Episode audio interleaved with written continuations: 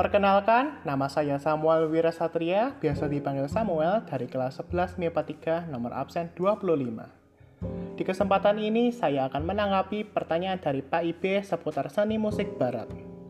Pertanyaannya adalah, mengapa musik barat yang berkembang di suatu negara tidak akan sama dengan negara yang lainnya? Menurut saya, penyebab mengapa musik barat yang berkembang di suatu negara tidak akan sama dengan negara lainnya adalah karena keunikan budaya dan adat istiadat yang ada di setiap negara. Keunikan budaya di tiap di tiap-tiap negara juga menjadi akibat tidak langsung dari perbedaan kondisi geografis dan nilai sosial yang berkembang dalam masyarakat setempat. Selain pertanyaan tersebut, saya juga mau memberi tanggapan lain mengenai musik barat yang juga tadi ditanyakan oleh Pak Ibe. Anggap saja untuk menggunakan waktu. Pertama, apa saja yang Anda ketahui tentang musik barat? Dari yang saya ketahui, musik barat adalah jenis seni musik yang berkembang di wilayah barat. Wilayah barat tersebut meliputi benua Eropa dan Amerika bagian utara.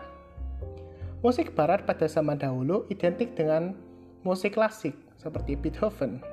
Sementara di zaman modern, musik barat identik dengan lagu pop yang dinyanyikan berbagai penyanyi. Taylor Swift misalnya. Kedua, mengapa musik barat menjadi patokan perkembangan musik di dunia? Menurut saya, musik barat menjadi patokan perkembangan musik di dunia karena banyaknya orang yang mengemarinya.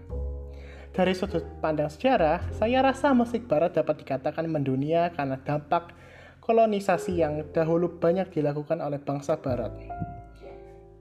Hal ini lalu menyebabkan budaya barat menjadi dikenal oleh banyak orang dari berbagai penjuru dunia.